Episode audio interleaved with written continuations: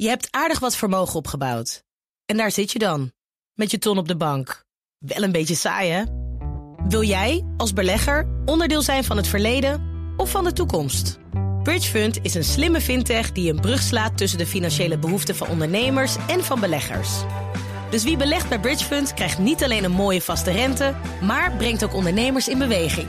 Echt waar, met die ton kan je zoveel betere dingen doen. Bridgefund. Make money smile. BNR Nieuwsradio. BNR breekt. Ivan Verrips. Goedemorgen en welkom bij BNR Breekt, de perfecte onderbreking van je werkdag. Of nou ja, als je überhaupt aan het werk bent vandaag. Vanaf half twaalf praat ik over de notulen van de discussies binnen de ministerraad... over de toeslagenaffaire. Die gaan, of toeslagenschandaal vind ik eigenlijk dat ik moet zeggen... die gaan uh, vandaag waarschijnlijk naar buiten komen. En over Amerikanen, die hebben we heel lang niet gezien. Heerlijk rustig. Maar vanaf deze zomer komen ze waarschijnlijk weer naar ons landje op vakantie. Vandaag in de studio in mijn panel Tarim Ramjan, die is hoofdredacteur van Rest Pers en werkt onder andere voor het Parool. Goedemorgen. Goedemorgen. En Vreemdelie Stadelmeijer, die is directeur van She Consult. Goedemorgen, Vreemdelie. Goedemorgen. En we beginnen zoals altijd met. BNR breekt. Breekijzer. Volgens het hoofd van de zeehavenpolitie zijn drugscriminelen volledig in controle wat betreft ja, de logistieke processen in de haven van Rotterdam. Nederland vervult een eh, speelfunctie in de Europese cocaïnehandel en dus zijn smokkelaars ook bereid om met grof geld havenbeveiligers en douaniers om te kopen.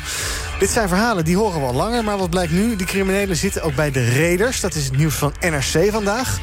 Laten we eventjes luisteren naar Jan Jansen, die is hoofd van die zeehavenpolitie. Die zegt dit. Wat we zien is dat uh, de, de drugssmokkel toeneemt. De afgelopen drie jaar gestegen van 5000 via 24, 32 nu naar 42.000 kilo in 2020. Ja. Dat zijn enorme aantallen. We zien partijen in beslag genomen worden in Antwerpen van 11.000 kilo. Mm -hmm. in, in Hamburg 12.000 kilo. Ja, dat uh, zei uh, Jan Jansen dus van de Zeehavenpolitie. Uh, we gaan erover praten in ons breekijzer. Dat is vandaag. Er moet veel harder worden opgetreden tegen corruptie in de Rotterdamse haven. Dat is onze stelling waar jij op kunt reageren. Wil je dat doen? Pak dan nu je telefoon en bel me 020 468 4 keer 0 020 468 4 keer 0 En we hebben iemand ook erbij die nou, dicht bij het vuur zit. Dat is Bas Jansen, directeur van Delta Links. En dat is de belangenbehartiger van de ondernemers in de Mainport Rotterdam. Goedemorgen, Bas. Goedemorgen. Uh, we gaan eventjes uh, dit onderwerp bespreken het komende half uur. Natuurlijk met uh, mijn gasten in de studio, met bellers. Maar ik ben eerst benieuwd naar jouw reactie op ons breekijzer. Er moet veel harder worden opgetreden tegen corruptie in de Rotterdamse haven. Nou, daar ben ik het op zich wel mee eens. Maar? Um, Hoor het is, maar. Nou ja, de, de, ja, dan komt altijd de maar. Hè. Nou, ik, ik, ik ben het ermee eens dat uh, dit echt een, een, een groot vraagstuk is. Een maatschappelijk fenomeen. Hè. Het is niet alleen de Rotterdamse haven, maar dat is natuurlijk nou net die draaischijf waar die cocaïne binnenkomt. Um, en uh, laat ik zeggen, alle rotte appels die, die er ook maar zijn, die moet je eruit halen. Die moeten niet in de mand. Uh, ik durf de stelling aan dat de haven is niet corrupt, maar er zitten corrupte en verkeerde elementen in. En als dat toeneemt, moeten we alles aan doen om die elementen eruit te halen. Publiek en privaat. Ja, maar dat neemt toch al jaren toe? Want ik hoor al jaren dit soort verhalen. Bij de douane, bij de uh, particuliere beveiligingsbedrijven... Uh, bij het havenbedrijf zelf, nu dus bij de raiders. Het is een, nou ja, ik, ja, je krijgt het beeld van een soort door en door verrotte industrie. Nou, dat, dat vind ik ver gaan. Want um, uh, uh, wij zijn dus de draaischijf waar het binnenkomt. He, je zou, net als bij een zandloper, net dat middelste puntje waar al die korrels doorheen gaan. Als je daar dus de spotlight op zet, dan zie je dus ook wel een aantal zaken die gewoon echt niet kloppen. En daar moet tegen opgetreden worden. En dat dat toeneemt de laatste tijd, dat zegt dus iets over het maatschappelijke fenomeen. He, zolang het gebruikt verkocht wordt, dan is er handel. Nou, dat is dus een hele slechte zaak. We willen dat niet. Uh, en uh, als je dan uh, nou, ergens stappen zou kunnen zetten, denk ik dat dat ook in de haven is.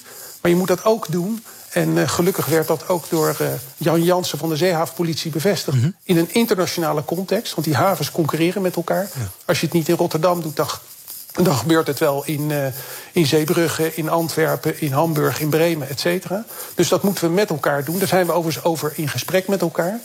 En, uh, ja, en ik denk ook dat er echt veel meer middelen nodig zijn. Hè. Als hij zelf zegt dat zo'n team hè, wat jaagt op die drugs, het HARK-team, Hit and Run Cargo, als dat team, uh, uh, wat is het, zeven jaar geleden, uit 18 man bestond.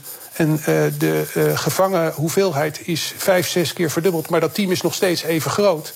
Ja, dan zegt dat wel iets. Ja. Dus er moeten gewoon veel meer, veel meer middelen vrijkomen. En, en er zijn nog veel andere onderwerpen waarvan ik ook zeg, daar kunnen gewoon absoluut verbeteren.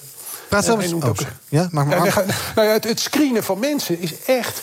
Dat is, dat is, het is nou, bijna belachelijk te noemen dat in de Rotterdamse haven het personeel zo beperkt gescreend wordt. Nou, daar moeten we echt veel meer aan doen. Ja, nou, laten we daar zo verder over praten. Um, ook over al die andere onderwerpen nu, die je noemt. Eerst even een rondje in de studio. Tagrim, um, er moet veel harder worden opgetreden tegen corruptie in de Rotterdamse haven. Ja, ja, dat lijkt me een stelling waar je het uh, bijna niet mee uh, oneens kan zijn. Uh, maar de vraag die ik dan wel heb is, ja, hoe dan? Omdat, wat de vorige spreker ook al terecht zegt... er zijn zoveel facetten aan.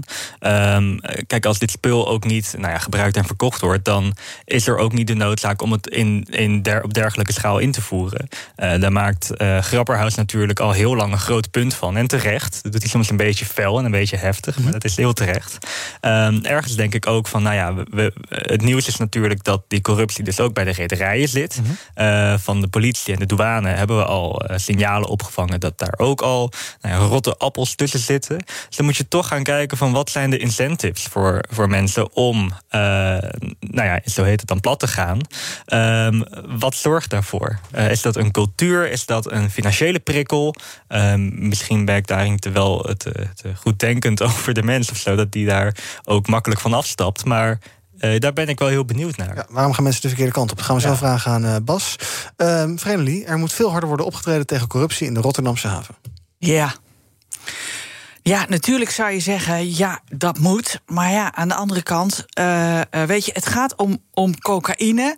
Nou, uh, in de Zuidas, over de Zuidas hangt een wit waas. Ja, hè? in Volendam, hè? Ja, net als in Volendam, weet je. Daar hangt gewoon het nummer van de plaatselijke dealer hangt bij het koffieautomaat. Hè? Dus mm -hmm. het wordt gewoon op grote schaal gebruikt. En dan kan je zeggen van, ja, dat mag niet. Nee. Maar we doen het gewoon. Net zo goed als alcohol, kan je ook zeggen, dat is hartstikke fout. Mm -hmm. Roken, hartstikke fout fout. Je kunt ook zeggen, joh, weet je, het mag gewoon.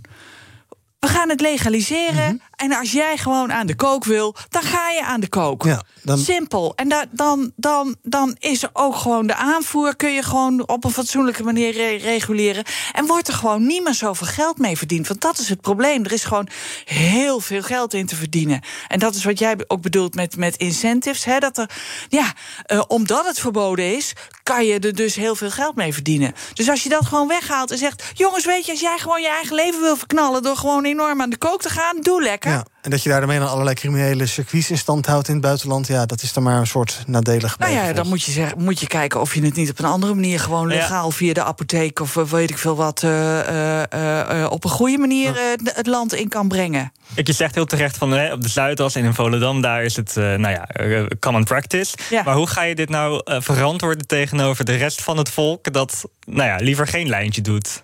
Dat je het gaat nou ja, ik, hoef, ik hoef ook niet te roken. Als ik niet wil roken, rook ik niet.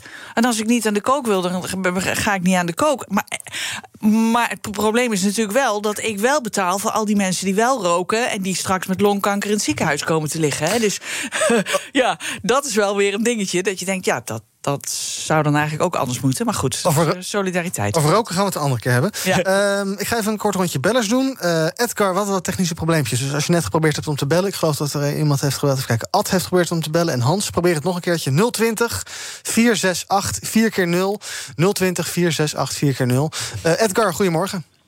Hi, goedemorgen. Zeg het maar, jouw reactie ik, op ons breekijzer. Er moet veel harder worden opgetreden tegen corruptie in de Rotterdamse haven. Ja, daar ben ik het uh, niet mee eens. Ik uh, vind ook dat er gewoon cocaïne gelegaliseerd moet worden. Uh, met goede voorlichting. En dan is het ook betere kwaliteit. De criminelen kunnen er geen geld af verdienen. -huh. En de Belastingdienst verdient er ook nog belasting. Ja. Nou, en dan ben je van de ellende in de haven af, denk je? Dan ben je van de ellende af, je verdient er geld aan. Ja. Oké, okay. dankjewel. Sluit een beetje aan wat Vreemdelin net ja. zei. John of John, goedemorgen. Ja, nee, nou goed, ik ben het er niet mee eens. Uh, ik vind dat uh, je moet er een groter hek omheen zetten en het, uh, en het niet legaliseren. Um, waarom? Omdat je de, de jeugd mee verpest. De jeugd die krijgt, die, krijgt die troep. roken. Ze roken al op schoolpleinen als ze 13, 14 zijn. En dan roken ze al. Dus als je nou deze troep ook gaat toelaten, dan krijg je dus. ja, dan wordt het één grote klotenzootje. Ja. Ik denk, zet een grote hek omheen. Controleer het met drones en met camera's.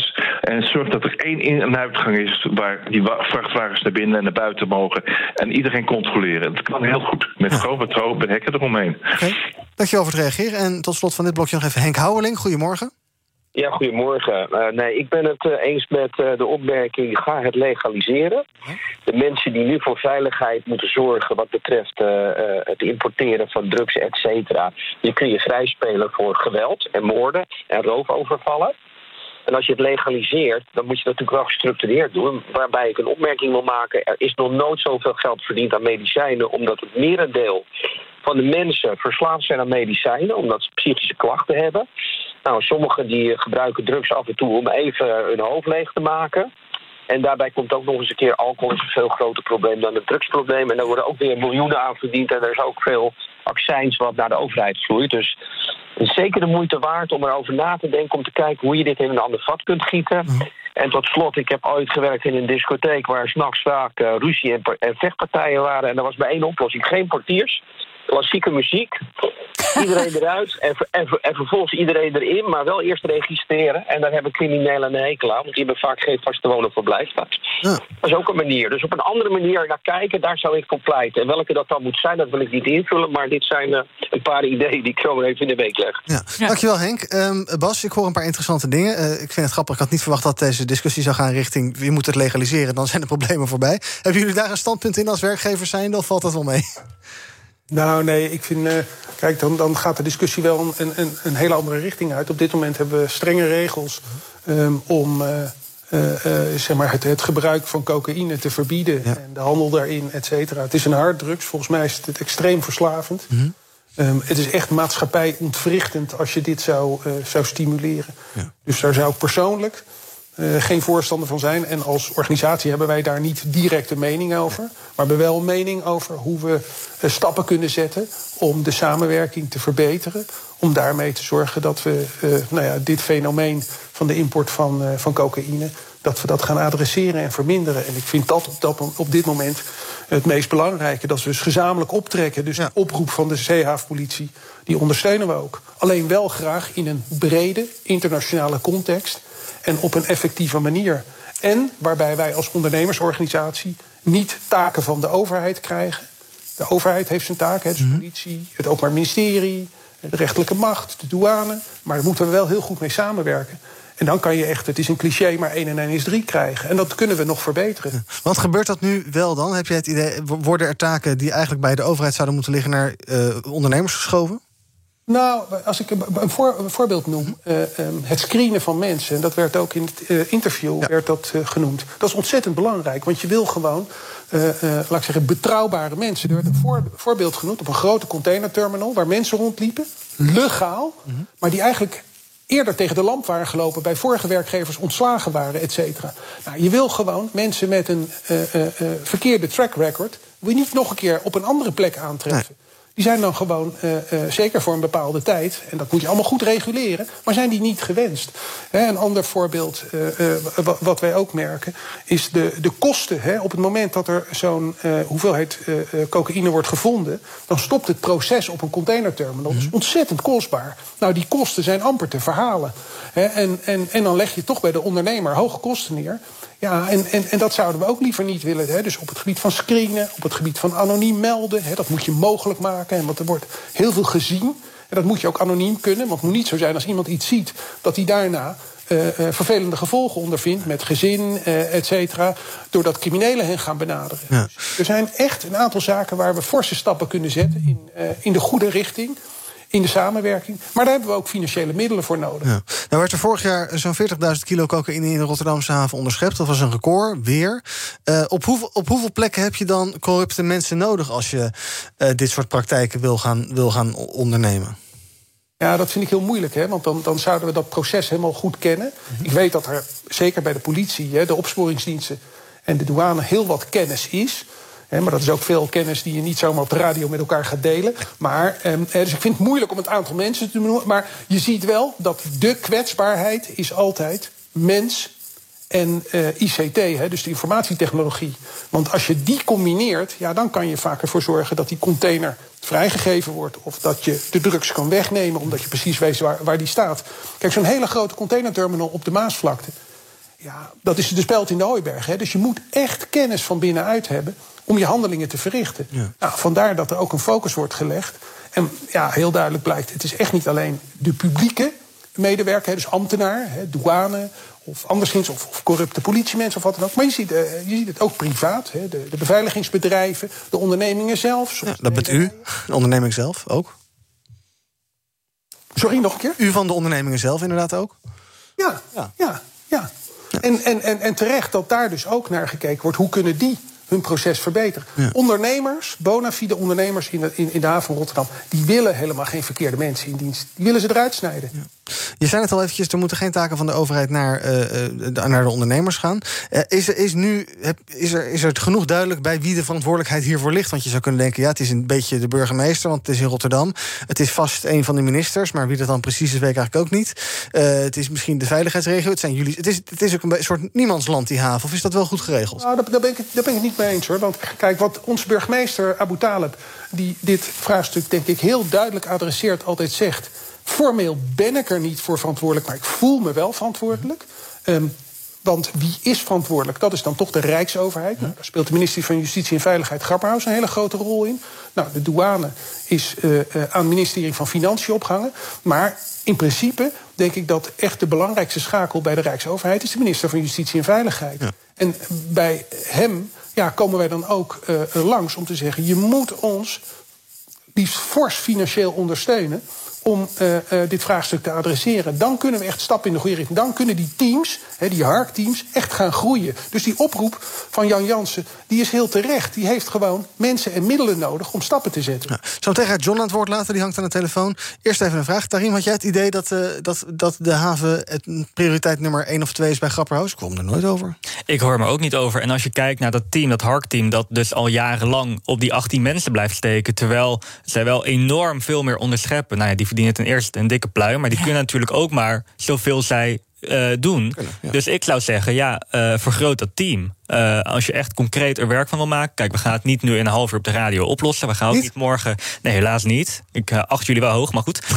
drugs legaliseren gaat morgen ook niet gebeuren. Maar je kan in elk geval dat team vergroten. Je kan meer geld hiervoor vrijmaken. Nou, in het nieuwe regeerakkoord besteed hier aandacht aan, zou ik zeggen. Ja. Neem er een passage over op. Dat kan. Wil je nog reageren op ons breekijzer? Pak dan nu je telefoon, want we hebben nog een kleine vijf minuten. En bel 020 468 4 keer 0 020 468 4 keer 0 Dan praat je zo meteen nog mee in de uitzending. Uh, John, goedemorgen. John, of John? Hallo. Goedemorgen, zegt u maar. Met uh, Frank Smulder spreek je. Oh, ik, ja, ik ben uh, 48 jaar verpleegkundige geweest aan bed. En ik word een beetje boos als ik dan hoor dat je cocaïne vrij moet geven. Cocaïne, nicotine, alcohol, al dat soort zaken. Dat, dat leidt tot onderliggend lijden. 70% van wat je in het ziekenhuis doet is leefstijl. En je kunt het gewoon niet maken. Als samenleving moet je de kosten opbrengen om dat onderliggend lijden weer op te lossen. Ja, je lost het niet op, maar goed om het te behandelen. En uh, dat leidt tot kosten op tot 100 miljard nu per jaar op dit moment. Mm-hmm. Dat is 5500 euro per persoon per Nederlander. Dus je moet alles op alles zetten om alle verslavende stoffen uit onze samenleving te halen. Wil je ook zo'n pandemie zoals we nu hebben, wat veroorzaakt uh, wordt, waar, waarbij onderliggend lijden uh, het grote probleem is, dat moet je kost wat kost zien te voorkomen. Mm. Dus uh, daar moet je alles op alles zetten. Om, en dan kun je wel zeggen, iedereen moet vrij zijn om te leven. Nee, dat kan gewoon niet in de samenleving. Ja. Je hebt je verantwoordelijkheden, je hebt je plichten. En daarvoor moet je als samenleving, samenleving ook, ook paaltjes zetten van jongens tot hier en niet verder. Ja. Want we kunnen dat gewoon niet opbrengen als samenleving. Nee. En cocaïne hoort er ook bij. Dus maximaal uh, inzetten. En belastingopbrengst op cocaïne is een, is een druppel op de gloeiende plaat van de, de ziektekosten die dat veroorzaakt. Ja. En hetzelfde met nicotine en dat is met alcohol, met suiker. Dus Zullen we straks over 30 jaar een pandemie kunnen weerstaan, zullen we de mensen die onderliggend lijden hebben moeten verminderen. Duidelijk, dus als je het al niet doet, dit tegengaan vanwege nou ja, misschien het principiële aspect, of dan, dan doe het op zijn minst voor de volksgezondheid, is jouw oproep. Toch? Ja, prima. nee, goed Dus- gehoord. Ja, dankjewel. Dankjewel, John, voor het bellen. Ehm, eh, even kijken, ik wil nog aan jou vragen, Vrenelie. Eh, eh, hoe weeg jij het... eh, eh, als je aan de ene kant hebt het verdienvermogen... Hè, dat is natuurlijk, nou, het is fijn om veel geld te verdienen. Ja. Aan de andere kant wil je misschien wel eh, criminele activiteiten tegengaan. Ja. Maar het een botst natuurlijk wel eens met het ander. Hoe zou jij dat afwegen? Ik begrijp jouw vraag niet. Nou ja, je kan zeggen, goh, we doen even onze handen voor onze ogen... en laten die containers allemaal door. Ja. En eh, dan komt er misschien Ja. ook af en toe wat rottigheid mee. Ja. Nou ja, goed, dat zei dan maar zo. We verdienen veel geld met die haven, ach. Eh, hoe weeg je... Zo, ja, ja, ja, ja. ja, nou dat zou mijn idee niet zijn. Eh, eh, ik, zou het, eh, ik zou het gewoon willen legaliseren. Hè, dus dat het gewoon netjes, gecontroleerd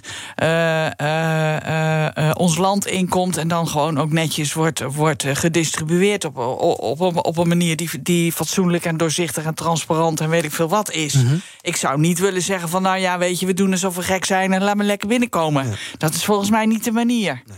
nee. En nog een paar dingen die ik net ook hoorde, wil ik ook even jou voorleggen, Bas. Eh, een van de vragen van, of in het panel of een luisteraar was... eh, waarom gaan die mensen eigenlijk plat? Nee, Tarim vroeg dat. Ehm, heeft dat te maken met geld? Ja, ik denk het wel, hè. Het is gewoon een... eh, ja, er valt, het is waarschijnlijk een lucratieve business... als je de verke- verkeerde kant op gaat. Ja, dat is wel de kennis die wij hebben. Ja. Dat inderdaad er altijd gekeken wordt naar mensen die op een of andere manier kwetsbaar zijn. En daar speelt geld een enorme rol. Hè. Denk aan mensen met huwelijksproblemen, eh, gokschulden. eh, eh, ja, mensen die op, op, op cru- cruciale posities zitten. Die zeg maar iets kunnen met een container. Het vrijgeven of aangeven op welke plek die staat. Ja, die worden benaderd. En dat is wel op een heel grove manier vaak hoor. Echt eh, ehm, dat die mensen in een heel lastig pakket komen om nee te zeggen. En vaak wat ik ervan begrijp is de eerste keer is fors betaald. En, eh, en dan kan je niet meer terug. Hè. Je bent in een fuik gezwommen waar Ja. je nooit meer uitkomt. Ja. Dus, Ja. dat moet je niet willen. Nee. En wat is, wat is jullie verantwoordelijkheid daarin? Want ja, dat moet je natuurlijk ook wel zien bij mensen, in de, bij werknemers. Maar ja, ehm, die lopen er natuurlijk ook niet mee te koop. Nou, wat je ziet is dat ondernemingen daar echt heel sterk mee bezig zijn. In de zin van eh, proberen, ja, dat heet dan heel mooi compartimenteren. Hè? Dus dat je mensen uit elkaar haalt. Niet zomaar iedere keer hetzelfde groepje. Hè? Dus dat je elkaar, eh, eh, eh, dat je ook niet altijd precies weet waar je werk verricht. Hè? Die, die, die dienst die je hebt. Maar vooral ook opleiden, trainen. Bewust maken, laten zien welke risico's ze lopen. En ook heel erg duidelijk zijn. Hè? Op het moment dat iemand de fout ingaat, wordt er op een harde manier afscheid van genomen. En dat lijkt eh, onmenselijk, nee, maar daarmee laat je aan de rest zien: dit is wat we niet tolereren. En ik denk dat dat moet. Jij zei net ook, er moet eh, geld bij voor die aanpak. Hoeveel geld? Nou, ehm, er is een, een, een, een, programma gemaakt, en dat is ook publiek en privaat, naar aanleiding van een rapport wat geschreven is door de Erasmus Universiteit over de drugsimport, onder leiding van de hoogleraar Richard Staring. En dat is een goed rapport, evenwichtig, publiek-privaat. En daar is wel berekend dat er eh, voor de komende jaren echt wel een bedrag van eh, eh, honderden miljoenen. En die claim is ook neergelegd bij, eh, bij Grapperhaus. En dat, dat kwam echt wel neer op een 350 miljoen voor de komende zeven jaar. Dus dat is echt serieus geld.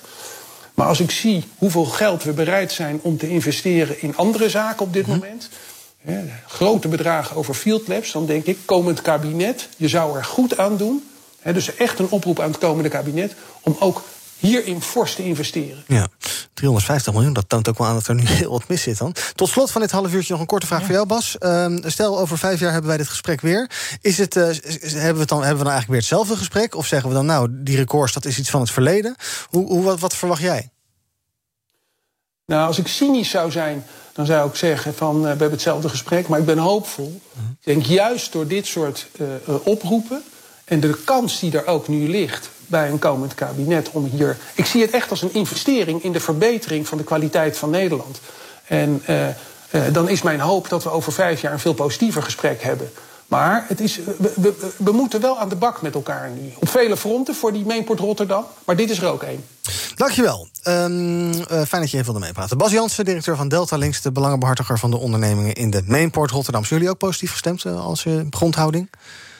Ik moet het nog even zien. Ach, ik doe nou. Ja. Ja, Nou, sorry. Ja, vooruit. ja. Hè? Al die Het negativiteit. is maandag. Kom. Zometeen in het tweede half uur van eh, BNR Breekt gaan we praten over eh, de notulen, over het eh, toeslagenschandaal die vandaag worden vrijgegeven. En je herkent ze altijd uit duizenden Amerikanen. Die kunnen weer, mits gevaccineerd, naar Europa komen. Of we daar nou blij mee moeten zijn. Zometeen in het tweede deel van BNR Breekt. Tot zo. Je hebt aardig wat vermogen opgebouwd. En daar zit je dan, met je ton op de bank. Wel een beetje saai, hè? Wil jij, als belegger, onderdeel zijn van het verleden of van de toekomst? Bridgefund is een slimme fintech die een brug slaat tussen de financiële behoeften van ondernemers en van beleggers. Dus wie belegt bij Bridgefund krijgt niet alleen een mooie vaste rente, maar brengt ook ondernemers in beweging. Echt waar. Met die ton kan je zoveel betere dingen doen. Bridgefund. Make money smile. BNR Nieuwsradio. BNR breekt. Ivan Verrips. Hallo en welkom terug bij BNR. Vandaag in mijn panel Vreemdelie Stadelmeijer en Tarim Ramjan. En we praten over het nieuws van de dag. Het eerste onderwerp dat, uh, is nieuws dat eigenlijk nog van de dag moet gaan worden. Um, ergens vanavond waarschijnlijk. Dan komt er een brief van het kabinet. En dan worden, als het een beetje mee is, ook geheime notulen van de ministerraad onthuld. Onderzoek van RTL Nieuws vorige week beschuldigt het kabinet ervan dat zij doelbewust informatie hebben achtergehouden in het toeslagenschandaal. Rutte vindt de openbaring van die notulen een riskant precedent. Want het is natuurlijk uh, zeer zeldzaam dat die gegevens vrijkomen op een legale manier. Voor het eerst in tientallen jaren in ieder geval.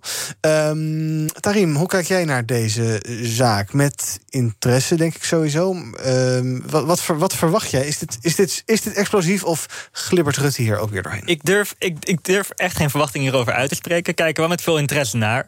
Um, ik vind het wel ergens frappant dat. nou, volgens mij werd al vrijdag besloten dat die notulen openbaar zouden worden. En we moeten dus toch tot vanavond wachten. Er komen ook twee versies, geloof ik. één met namen van sprekers erbij, één zonder. Uh, dus ik vraag me toch af van, hè, wat, wat is de reden dat dat dan eh, zo lang duurt? Zorgvuldig zijn... gebeuren. De beantwoording van de vraag van de Kamer moet zorgvuldig, zeg ik even als woordvoerder van Rutte. Oké, okay, heel goed. Uh, maar goed, die, die, die natuurlijk. Nou, dat precies. hoor ik al. die natuurlijk die zijn in principe al gearchiveerd. Dus ik ben heel benieuwd of we inderdaad alles te zien krijgen. Mm -hmm. Dus dan niet te min. Um, ik, ik snap wel het argument dat het een gevaarlijk precedent is. Want dit gebeurt niet vaak. En, en er valt ook best wel wat goeds te zeggen voor um, nou ja, de geheime beraadslaging in de ministerraad. Um, voor de vrije uitwisseling van ideeën en gedachten. Ook al sta je daar misschien niet helemaal achter. Mm -hmm. um, dus ik ben heel erg benieuwd. Ja. Friendly, uh, wat vind jij? Uh, uh, openheid of niet? De ministerraad is inmiddels al begonnen met het vrijgeven van de agenda. En ook de besluitenlijst, geloof ik. Nou, dan kan er natuurlijk er ook wel bij. Ja, ik, ik, weet het niet. Ik vind het een lastig onderwerp. Ik snap ook dat je in de ministerraad vrij wil kunnen spreken en je twijfels en je, je, je gedachten daarover wil kunnen formuleren zonder dat dat nou meteen uh, uh, uh, op straat ligt. Mm -hmm. Dus ik, ik, ik heb daar niet zo'n zo'n mening over. Ik, ik, ik vind wel iets anders aan dit onderwerp. Ehm, dat ik eigenlijk ontzettend teleurgesteld ben in Sigrid Kaag. Ja, je kijkt me echt aan nee, zo want? want dat nou die ging me daar ineens op zijn Ruttiaans draaien. Ja, maar ja, zij zit er ook in. Dat natuurlijk. ik denk, wat krijgen we nou? Dit hebben we niet afgesproken mm -hmm. toen we op jou stemden. Dit is geen nieuw leiderschap. Dit is geen nieuw leiderschap. Nee, ik nee. merkte dat ik echt dacht... Ja, nou ja, wat ik zeg, ik was echt een beetje ontgoocheld. Mm -hmm. Zo van, hè? Wat doe je nou? Ja. Weet je, zeg gewoon, joh, ik weet het niet, uh, maar ik ga er naar kijken. Of ja, ik was erbij en het was niet goed. Of uh, weet, maar, maar niet dit. Wees duidelijk. Wees duidelijk. En, en niet dit van, ja, misschien zat ik wel in Niger. Kom op, zeg. Ja, ik bedoel, als jij, als jij je iPhone kijkt, dan weet je zo waar je een paar weken geleden ja, zat, en toch? dat had ze al lang uitgezocht. Ja. Dat, heb, dat heb je al lang uitgezocht op ja. het moment dat dat uh, te sprake komt. Dat weet je ook nog of je daarbij was of niet. Ik kan me niet voorstellen dat je daar geen actieve herinnering aan hebt. Rutte heeft het ook heel vaak ach, niet. Ach, hou eens op, joh. Nee, echt.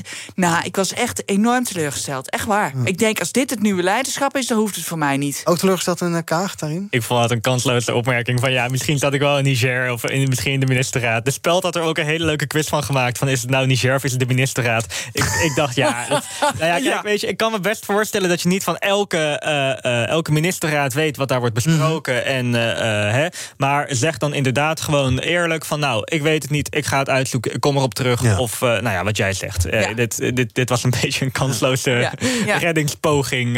ja. Wel goed dat die natuurlijk nu naar buiten gaan komen. En dat we dat gaan zien. En wat je zou kunnen zeggen, ja, het, is toch geheim. Idem voor de stukken van uh, uh, uh, de ver ver verkenners toen nog. Dat was ook bedoeld om pas later openbaar te gaan maken. Ja, dan kan je wel alles gaan openbaren als een medium ergens opduikt... en het wordt een nieuwsverhaaltje. Ja, nou, waar ik wel bang voor ben, is dat ja. als dit nou vaker gaat gebeuren... dan krijg je natuurlijk weer een ander soort overleg. Mm -hmm. En misschien een nog veel informeler ja. overleg dan de ministerraad. En dan worden daar de werkelijke besluiten wellicht op termijn genomen. En dan ben je nog verder van huis. Dan wordt het echt achter Dan wordt het echt achterkamertjes. Dus ik vraag me af, kijk, op zich die agenda publiceren en de besluitenlijst, oké, dat is denk ik een, een goed iets. Dat is ook waar de, de huidige tijdsgeest om vraagt. Uh, maar om elke week bijvoorbeeld natuurlijk te gaan publiceren, dat gebeurt nu niet, hè, maar stel dat dat gaat gebeuren, ja, daar moet je echt mee oppassen. Nou ja, en er is natuurlijk ook nog een, een tussenweg denkbaar. Hè? Dat je zegt van ik laat het natuurlijk zien aan een bepaalde uh, groep van Kamerleden die geheimhoudingsplicht hebben of zo. Dat hebben we wel vaker. Met andere onderwerpen is dat ook zo.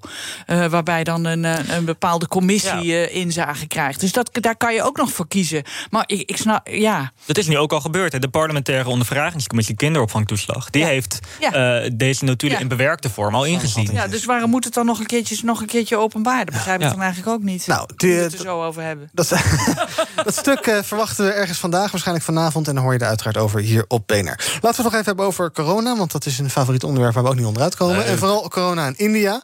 Dat land staat uh, ongeveer. Nee, zeker niet. Het staat ongeveer op instorten door de coronacrisis. Uh, overvolle ziekenhuizen, tekort aan uh, zuurstof. ik zag beelden van een ziekenhuis dat nog voor 20 minuten zuurstof had. en dan net op tijd aangeleverd kreeg. Elke dag een nieuw dagrecord daar.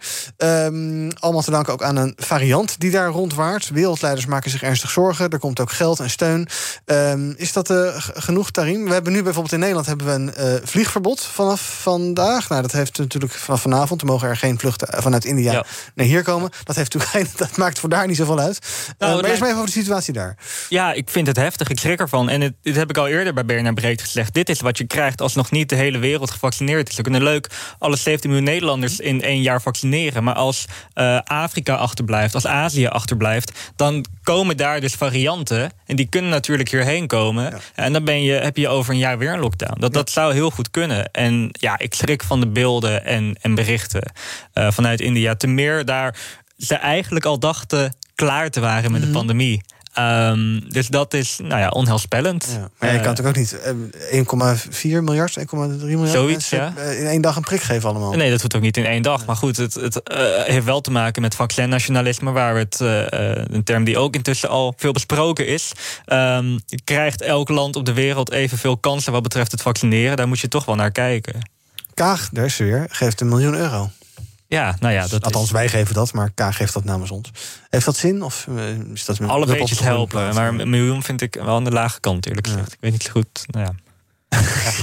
Vragend kijken. Friendly, even over die, die, die situatie. Uh, we hebben nu dus een vliegverbod dat vanavond ingaat om 6 uur van India naar hier. Was best opvallend, want uh, eerst leek daar helemaal geen interesse in, in bij de politiek. Het werd een beetje, het was eigenlijk niet nodig. En uh, nou ja, andere landen om ons heen deden het wel. Maar opeens gisteravond wel aangekondigd. biedt dat jou een soort veilig idee? Of zeg je nou voor mij of dat nou, niet ik denk dat dat op zich wel goed is om dat te doen. Zo'n vlieg, vliegverbod. Uh, zeker als de landen om ons heen dat doen, dan moeten wij daar ook, denk ik, gewoon bij aansluiten. Dus ja. dat vind ik, dat vind ik, vind ik op zich wel, uh, wel oké. Okay. Ja, weet je, wat bij mij gewoon enorm blijft hangen, is dat bericht vorige week dat, dat al die mensen daar in die gangen sprongen. Mm -hmm. Hè? Dat je ja. echt denkt, hoe dan? Midden ja. in een pandemie. Hoe dan dat er gewoon, ik weet niet hoeveel. Kijk, daar kunnen geen 1, zoveel miljard mensen nee, tegelijk de gangen in. Dat is die leeg waarschijnlijk. Maar het, het zet wel een beeld neer. In ieder geval merkte ik dat bij mij dat ik dacht, ja, hè, hè, nogal logisch dat ja. het daar uh, uh, explodeert. Hè. Het, het, het, feit dat, dat de regering dat, dat uh, goed vindt, dat dat, dat dat gebeurt, zegt natuurlijk wel iets over de ernst waarmee ze de, de pandemie ja. hebben. Dat was overigens wel tegen het advies van wetenschappers daarin. Oh, okay. Dus zeg maar, hun okay. Jaap van Dissel die zei van doe dat nou niet. Ja. Hè, want het was een enorm religieus feest, begreep ik, waar ook een miljoen mensen op afkwamen.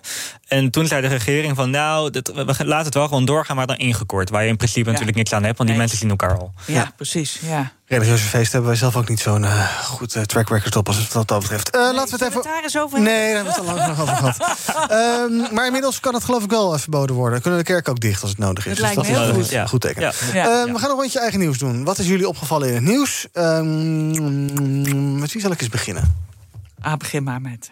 Daarin. Ja, ik heb wel corona gerelateerd. Nou, uh, toch? Sluit het mooi op elkaar nou, aan. Precies. Nee, de, de, de terrassen gaan natuurlijk open. Ja, overmorgen. Uh, met, met heel veel mitsen en maren. Uh, en nu is er een tweetal Amsterdamse horeca-uitbaters... die samen goed zijn voor 40 cafés. -hmm. het gaat om Thomas Andriessen en, en de mannen achter 3WO. En die hebben cafés als Hankersboom, restaurant Cannibal Royal... de Biertuin, nou, et cetera. -hmm. En die zeggen van nou, dit werkt niet. En ze hebben overwogen om ook te gaan sluiten eigenlijk. Niet open te gaan. Dat gaan ze uiteindelijk toch wel doen, hè, want iets is beter dan niet.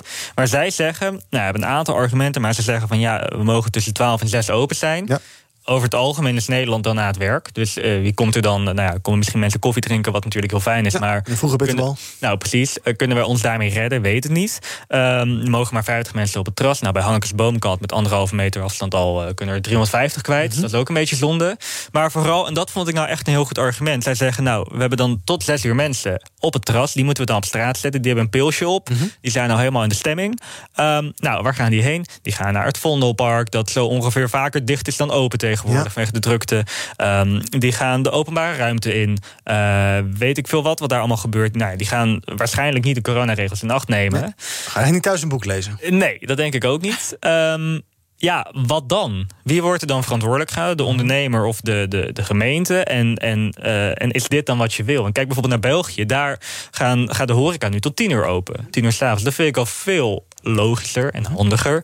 Uh, dus maar goed, als je het tot tien uur doet, dan krijg je het verhaal... ja, maar om tien uur dan gaan die mensen naar huis in groepen... en dan gaan ze daardoor drinken. Ja, en dat is om twaalf uur ook en dat is om één uur ook, ja. Ja, dat is niet helemaal waar. Ik uh, ben uh, ik wel, was twee weken geleden in Spanje. En daar zijn de terrassen open tot half, half elf. Dan moet alles dicht. En dan om elf uur moet je thuis zijn. Mm -hmm. ja, ja. Dat ging prima. Ja, dat geldt ja, dat geloof ik ook. Dat gaat gewoon echt prima. Dus jouw oproep is uh, langer open houden? Nou ja, het is meer vanuit hen een oproep uh, of een vraag richting de overheid... van wat is nou hier de reden voor geweest? Dat snappen ze gewoon niet. Dat nee. is ook niet met hen gecommuniceerd. Dus, uh, en daarmee in gesprek treden. En ja, als het aan mij persoonlijk ligt, ja, ik, ik zou zeggen langer open. Ja, nou, er zijn natuurlijk wel vaker vragen over waarom dingen gaan zoals ze gaan. Bijvoorbeeld die avondklok van voor negen uur. Nou ja, goed, dat hele verhaal. uh, zometeen, Vredelie, wil ik jouw nieuws van de dag horen?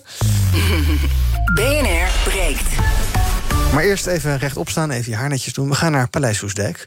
Naar Koninklijke Hoogheid Thomas van Zel. Goedemorgen, Thomas. Wat ga je zo meteen vanaf 12 uur doen vanaf deze de chique locatie? Oude woonkamer van de familie sta ik hier. Ja, wat ga ik doen? Ik ga het zeker ook hebben over koninklijke bedrijven. Om te beginnen met Burger Zo. Uh, Alex van Hoof is de gast, de directeur van die dierentuin. Uh, mocht natuurlijk heel lang niet open. Is benaderd om nu bij wijze van test weer open te gaan. Heeft daarvoor bedankt. Wat de, de beweegreden is, dat hoop ik uh, van hem te horen. En ook wat de toekomst zal zijn van dierentuinen. Er wordt natuurlijk nu nog steviger nagedacht over onze omgang met dieren. Dier en mens. Hoort een dierentuin daar dan wel bij? Dat ga ik vragen. En ik praat met hofleveranciers. Dat zijn bedrijven die niet per se hoeven te leveren aan het Hof, maar die wel al hebben bewezen dat ze tegen een stootje kunnen, minstens 100 jaar oud zijn. Hoe kom je nou verder in aanmerking voor dat predicaat en wat heb je daaraan?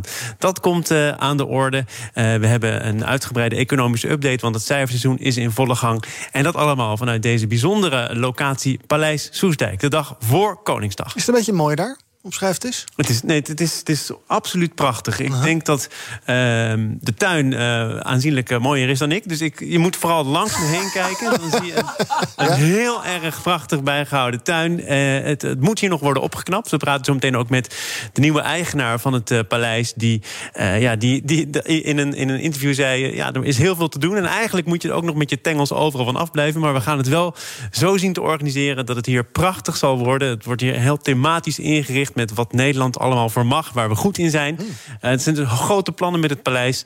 En het eerste plan dat echt gaat uitkomen is de uitzending van BNR Zaken doen. Ik vind je ook mooi hoor, Thomas. Zometeen vanaf 12 uur hier op BNR. Thomas met Zaken doen vanaf Paleis Soestdijk dus. BNR breekt.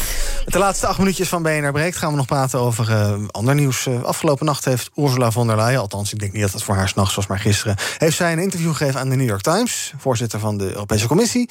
En zij denkt dat uh, vanaf komende zomer Amerikanen die gevaccineerd zijn weer naar Europa mogen afreizen.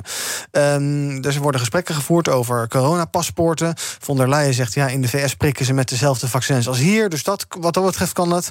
En ze denkt nou, um, in juni misschien, die datum noemt zij niet hoor, maar dat zou wel eens kunnen. Juni, juli, dan zou het wel weer eens kunnen. Dus dan kunnen we weer gaan reizen. Uh, in ieder geval zij die kant op. Wij misschien ook wel weer die kant op, als u nog begrijpt wat ik bedoel.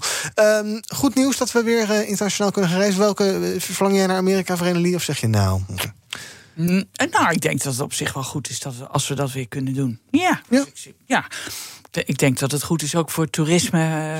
Uh, heel veel mensen toch blij zijn als er gewoon weer wat reuring is. Dus uh, ik zou zeggen, gooi maar, als het kan, coronatechnisch zou ik zeggen, gooi maar open die handel. Ja, nou, ik ja. denk dat uh, inderdaad Griekenland en Portugal en Italië daar ook heel erg blij ja. mee zullen zijn. Ja, dat, uh, dat denk ik ook. Ja, nou ja goed, en, en, natuurlijk, in Amerika kan nu iedereen boven de 16 die wil geprikt worden. Dus dat, dat ja, wow. ja, al een paar dagen of weken misschien wel. Dus dat gaat echt in een rap tempo daar. Dus ik vraag me meer eerder af of wij dan niet, als wij daarin komen, een groter gevaar voor hen vormen dan vice versa. Ja, nee, misschien krijg je wel een one-way... dat zij alleen hier op vakantie mogen en wij niet die kant op. Ja, of dat als je gewoon boekt een uh, tripje naar Amerika... dat je de vaccinatie erbij krijgt. Ja. Nee. Nou, dat zou heerlijk zijn. ja, ja, wel. Dat bestaat nu al wel. Ik geloof dat je dan uh, in, in, in, uh, ergens in het Oostblok landen... Geen Sputnikje. Ja, precies. Nou ja, ja. ik zou me zo schrijven. Ja. Ja. maar we krijgen dan dus wel een vaccinatiepaspoort. Ja, dat zat er al een beetje aan te komen. Hè. Vaccineren is natuurlijk vrijwillig. Maar ja, het wordt de facto natuurlijk wel een verplichting. Wil je nog iets in je leven kunnen. Ja, maar dat is niet erg, volgens jou. Nee. nee. Nee. Nee, volgens nee. jou wel? Heb, heb, jij er nog bezwaren bij? Nee, nee ja, het Europees Mensenrechtenhof heeft hier ook over geoordeeld. Het, het ging over een ander vaccin uh, in Tsjechië. En dat dat ook gewoon door de beugel kan. Dus wat mij betreft zijn daarmee de bezwaren ook, uh, nou ja, ja. dus niet gelegitimeerd. Nee. Ja. Hebben jullie al buitenlandplannen of uh, ben je heel erg blij met... Nee, uh, ik, uh, ik ga weer lekker Flevoland verkennen of zo. Of, ja. oprecht best wel een leuk idee mooi. eigenlijk, nu ik mezelf ja. zo praten. -huh. Ja, ik ga Flevoland verkennen. Ja, ja. ik, ja, ik heb bijvoorbeeld vakantie genomen in september. Ik heb gewoon geen idee wat ik ga doen, maar ik hoop dat ik dan wel even weg kan. Maar ja. Ja, nou ja, in eigen land is er ook genoeg te doen, heb ik gemerkt. Genoeg buiten de ring. Laten we een rondje social media doen. Kijken wat daar nu trending is. Onder andere hashtag Nomadland, de grote winnaar van de Oscars. Um, hashtag FC Emmen is trending. Zij spelen volgend weekend de kampioenswedstrijd tegen Ajax in de Eredivisie. Dave Roelvink, die krijgt een kind. Althans, zijn vrouw, Jaslyn. En ook uh, trending is hashtag India. Ja, je begrijpt uh, waarom dat is uiteraard. Morgen is Koningsdag. Ja. Wat gaan jullie dan doen? Nou, niks bijzonders eigenlijk. Oh, nee. Geen tompoezen? ja, wel tompoesen. Nee. En oranje bitter? Nee. Ben je niet zo koningsgezind? Nee. Oh ja, nou ja, ja uh, mixed feelings een beetje. Maar uh, uh, ja, ik hou gewoon niet van die zoete rommel. Dus, nee. Ja. nee. Maar ik ben, ik ben dus laatst in Weesp geweest. Dat was heel ja, leuk. Normaal is dat waarschijnlijk heel druk op Koningsdag. No, ja, normaal is dat heel druk. Maar dat, ja, nu is er niet veel. Nee, nee maar dat is in het hele land natuurlijk nee. zo. En ook niet met vrienden afspreken of iets barbecue Nou ja, je mag maar met twee mensen. Ja, mag, mag, mag. Nee. Nee. Tarim, wat zijn jouw plannen? Je hebt vast hele wilde, gezellige Koningsdag. Nee, dat valt heel erg mee. Oh. Tegen, eigenlijk. Oh, leuk. Ja, Tom Poesten. Ja. Dat wel. Ja. ja. En s'avonds? Nog meer Tom Poesten. Ja. Moeten jullie werken of niet? Ja, ik, ik, ik, ik, ik moet nee, hoef niet te werken. Nee, nee ook niet. Nou, dat ja, valt maar reuze mee. Zal ik mijn nieuws van de dag eens vertellen? Ja, oh ja, dat zou ik doen. Kom maar. Ik denk, jij gaat dat helemaal vergeten. Ik was het straal vergeten. daarom. Ik grijp even in. Heel goed. Uh, nou, mijn nieuws van de dag is een onderzoek wat vorige week is uh, gepubliceerd. Een onderzoek van Cambridge University. Uh, de gedachte was altijd dat vrouwen niet kunnen onderhandelen. En dat je ze dat moet leren. -hmm. Dat je ze moet leren op de mannelijke manier te onderhandelen. En dat onderzoek laat zien dat dat eigenlijk averechts werkt. Dat vrouwen prima kunnen onderhandelen. Dat hun intuïtie daar uh, feilloos uh, werkt. Dat ze heel goed weten hoe ver ze kunnen gaan. Uh, maar wat je moet veranderen is dus eigenlijk fix the system. en niet fix the women. Mm -hmm. wat je moet veranderen is dat organisaties bijvoorbeeld... als het gaat over salarisonderhandelingen... transparanter zijn in bijvoorbeeld de, de loonopbouw. Mm -hmm. dat dat vrouwen helpt om beter te kunnen onderhandelen. Ja. Uh, maar dus het, het uh, aanleren van mannelijke manieren, mm -hmm. dat dat dus niet werkt. Nee, en, dat en zijn, dat, wat zijn mannelijke manieren? Dat zijn een beetje de Bokito-manieren. Ja, de Bokito-manieren. Ja. Wat agressief, hard, hard erin gaan. Uh, ja, nou ja, eigenlijk mm -hmm. niet beter zeggen dan dat jij dat, dat, Bokito. dat zegt. Ja. Bokito, en waarom, manier. Waarom, kun, waarom kan je dat op die manier... Waarom, moet je dat niet willen op de nou, vrouwen niet meer aanleren? Of werkt nee, het niet? Of wat gaat er Als je dat als vrouw gaat doen, ja. roept dat ontzettend veel weerstand op. Want als vrouw ben je nou eenmaal geen Bokito. Nee, nee dus dan ben je gelijk dat, een bitch waarschijnlijk. Ben je gelijk een ja. bitch. En, uh, en uh, dan krijg je het Hillary Clinton effect, zeg uh -huh. maar. Van uh, ja, ze is te hard en -huh. ze is te, dus niet competent. Hè? Dus het is, dus, het is zegt dat onderzoek, veel beter om te blijven bij de manier zoals je dat zelf doet. En die te perfectioneren. En dat is op zich wel aardig, want dat sluit ook aan bij, bij, bij hoe wij als Chiconsult daarin staan. En hoe we ook onze collegereeks bijvoorbeeld uh, vormgeven. Dat we zeggen van ja, de mannelijke manier is niet heilig. Mm -hmm. Probeer het nou toch op je, op je eigen uh, vrouwelijke manier te doen. Ja. Uh, uh, en, en, ja, daar voelen vrouwen zich ook veel comfortabeler bij dan dat je nu dat alles maar op de masculine manier doen. En als je als vrouw onderhandelt met een man, dan kan je nog zo mooi op je eigen manier onderhandelen. Maar ja, uh, als die man denkt van ach, daar is, daar is weer zo'n. Ik zeg, ik zeg even heel uh, ja, balinerend, ja. daar is weer zo'n vrouwtje, zo'n slap vrouwtje. Ach, nou ja, dat lekker. Ja, dan kom je, komt dus er wel achter. Dus, ja, ja, hoe ja dan? dan komt. Nou, dat die, dat die uh, als die vrouw het goed doet en, en slim doet, dan uh, uh, zou ze wel eens beter kunnen onderhandelen dan als hij in de gaten heeft. Mhm. Dan gaat hij misschien wel naar huis van yes, I did it, maar heeft zij gewonnen. Dus dan lult hij haar onder de tafel. N nou, andersom, dan lult zij hem onder de tafel. Nou ja, kijk, weet je, de bedoeling van een goede onderhandeling is natuurlijk dat je allebei tevreden ja. naar huis gaat. Dat je allebei het gevoel hebt van ik heb eruit gehaald wat erin zat. Mhm. En we hebben recht gedaan aan, gedaan aan, aan uh, beide belangen. Uh, uh, en ik denk dat vrouwen bij uitstek heel goed in staat zijn om die belangen te wegen. En ook oog te hebben voor de belangen van de ander. Mm -hmm. waardoor je een goed onderhandelingsresultaat krijgt. Ja, en het hoeft dan niet op een Bokito manier. En dat hoeft dan niet op een Bokito manier. Want dat ik, werkt dan dus niet. Begrijp ik dan goed dat een van de onderliggende bevindingen dan toch is dat mannen bang zijn voor een te dominante of te assertieve vrouw. Ja. En dat vind ik dan wel weer heel Ja. jammer eigenlijk. Ja, maar dat is wel zo. Dat is wel hoe, hoe het werkt, ja. Ja. Dat is ook waar, waar je ziet dat, eh, dat eh, eh, vrouwelijke politica, politici worden op, op afgerekend worden. Hè? Maar desalniettemin moet dat toch ook ooit veranderen? Ja, en dat gaat wel veranderen naarmate we meer gewend raken aan vrouwen op zulke soort posities. Dan, dan, dan slijt er een ander beeld in. Hè, waar je vroeger ook nog dacht van een vrouwelijke huisarts. Hè, 40 jaar geleden. Ik weet nog dat mijn ouders kregen een vrouwelijke huisarts. Nou, dat was wat. Daar kon eigenlijk niet heel veel soeps wezen, weet je wel. Hè? Eh, terwijl nu sta je er helemaal niet. Dat is volstrekt Nee. normaal. Er komt niet in je op om te denken: zou die wel goed zijn, Nee. want het is een vrouw. Nee. Hè, dus dus eh, dingen veranderen. Hè? En op het moment dat wij eh, vier keer een vrouwelijke premier hebben gehad, zal niemand meer bedenken: van goh, vrouw, zou die wel, zou die wel goed zijn? Dus het is ook gewoon, het is, het is de tijd, maar ook fix the system. Het is de tijd en fix the system. En hoe doen we dat laatst ook alweer? Nou, kijk, weet je, als dat heel simpel op te lossen was, dan hadden we dat al Al lang gedaan, gedaan. hè? ja. Dus het is een heel complex van, van, eh, van, eh, van eh, factoren die daarin in spelen. En hoe we dat kunnen veranderen, is door het iedere keer maar weer ter discussie Mhm. te stellen. Iedere keer maar weer het aan het licht te brengen. Het erover praten met elkaar. Bewustwording creëren. Ja, en, en, en ervoor te zorgen dat er steeds meer vrouwen op, op mooie posities komen. Dan verandert het. Zullen we het de volgende keer weer over hebben? Tuurlijk, je wek, als je mij uitnodigt, weet je dat je dit krijgt. Heel goed. Ik doe nog één poging. Morgen, Koningsdag, v- vielen jullie volledig op, eh, op vloer. was het helemaal stil. Eh terrassendag, woensdag. Ja, dat, dat, dat ga ik Ja? wel even... Ik denk het wel, ja. Ja? Ja, als het Ja. een, beetje mooi, een beetje leuk weer is, dan eh, gaan we dat zeker doen. Even Maar wat ga jij doen met Konings, Koningsdag dan? Barbecue met twee vrienden. Barbecue. Bij mij thuis in En Haarlem. dan zet je een, rooi, ro- een oranje hoedje op. Nee, dat niet. Maar ik ga wel tompoezen halen s ochtends. En ik denk ook wel dat er enige inname is. Ja, ja, Maar, ja. eh, ja, ja, ja. Ja. leuk. En Ja, woensdag leuk. dan komen wij eh, met BNR Breekt live vanaf het terras van café-restaurant De IJsbreker hier in Amsterdam. Want dan is dus de opening van eh, eh, eh, de terrassen om 12 uur. Dus we beginnen zoals altijd om 11 uur. Een uurtje voordat de terrassen weer open gaan. En dan tellen we live af naar de opening van de terrassen. We vieren de horeca. Eh, wat jammer dat ik daar nou weer niet bij ben. Echt, hè? Spijt me. Wat verdikkie. Overmorgen, je mag gaan Overmorgen op BNR. Dus om 11 uur BNR breekt. En eh, tot die tijd kun je ons volgen op de socials. Het BNR op eh, Twitter. Eh, Nou, je vindt ons wel Instagram, YouTube, wat je wil. Zometeen zaken doen met Thomas van Zel. Ik zie hem al staan. Live vanuit Paleis Soestdijk. Tot overmorgen dus. Je hebt aardig wat vermogen opgebouwd. En daar zit je dan, met je ton op de bank. Wel een beetje saai, hè? Wil jij, als belegger, onderdeel zijn van het verleden of van de toekomst? Bridgefund is een slimme fintech die een brug slaat tussen de financiële behoeften van ondernemers en van beleggers. Dus wie belegt bij Bridgefund krijgt niet alleen een mooie vaste rente, maar brengt ook ondernemers in beweging. Echt waar, met die ton kan je zoveel betere dingen doen. Bridgefund. Make money smile.